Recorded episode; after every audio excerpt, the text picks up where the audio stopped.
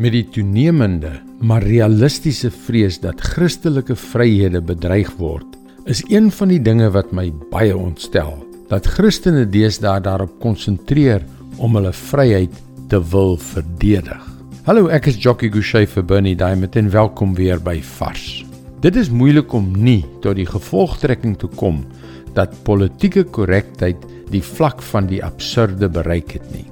Dit is iets wat ons vryheid van uitdrukking, ons vryheid van geloof, ons vryheid om ons Christelike geloof uit te leef bedreig. 'n Natuurlike reaksie is om laer om ons geloof te trek en ons vryheid van uitdrukking te verdedig. Moet my nou nie verkeerd verstaan nie. Die twee dinge lê my ook baie na in die hart. Maar wanneer die Christelike etiket vir ons 'n lisensie word, glo ek opreg dat ons as Christene die kluts kwyt geraak het. Ons lees in 1 Petrus 1 vers 13: Wees daarom verstandelik wakker en nugter en vestig julle hoop volkome op die genade wat julle deel sal word by die wederkoms van Jesus Christus. Petrus het hierdie woorde aan die vervolgde Christene wat ontsettend gelei het geskryf.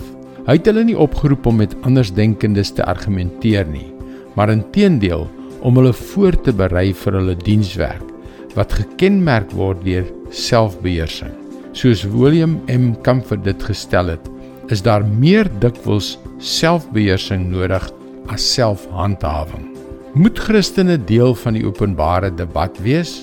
Moet ons help om besprekings te lei en die morele vesel van die samelewing op te bou? Absoluut. Maar ons belangrikste rol op hierdie aarde is nie om argumente te wen nie, maar om siele te wen. Dit is presies wat Petrus sê om die gelowiges voor te berei vir hulle dienswerk.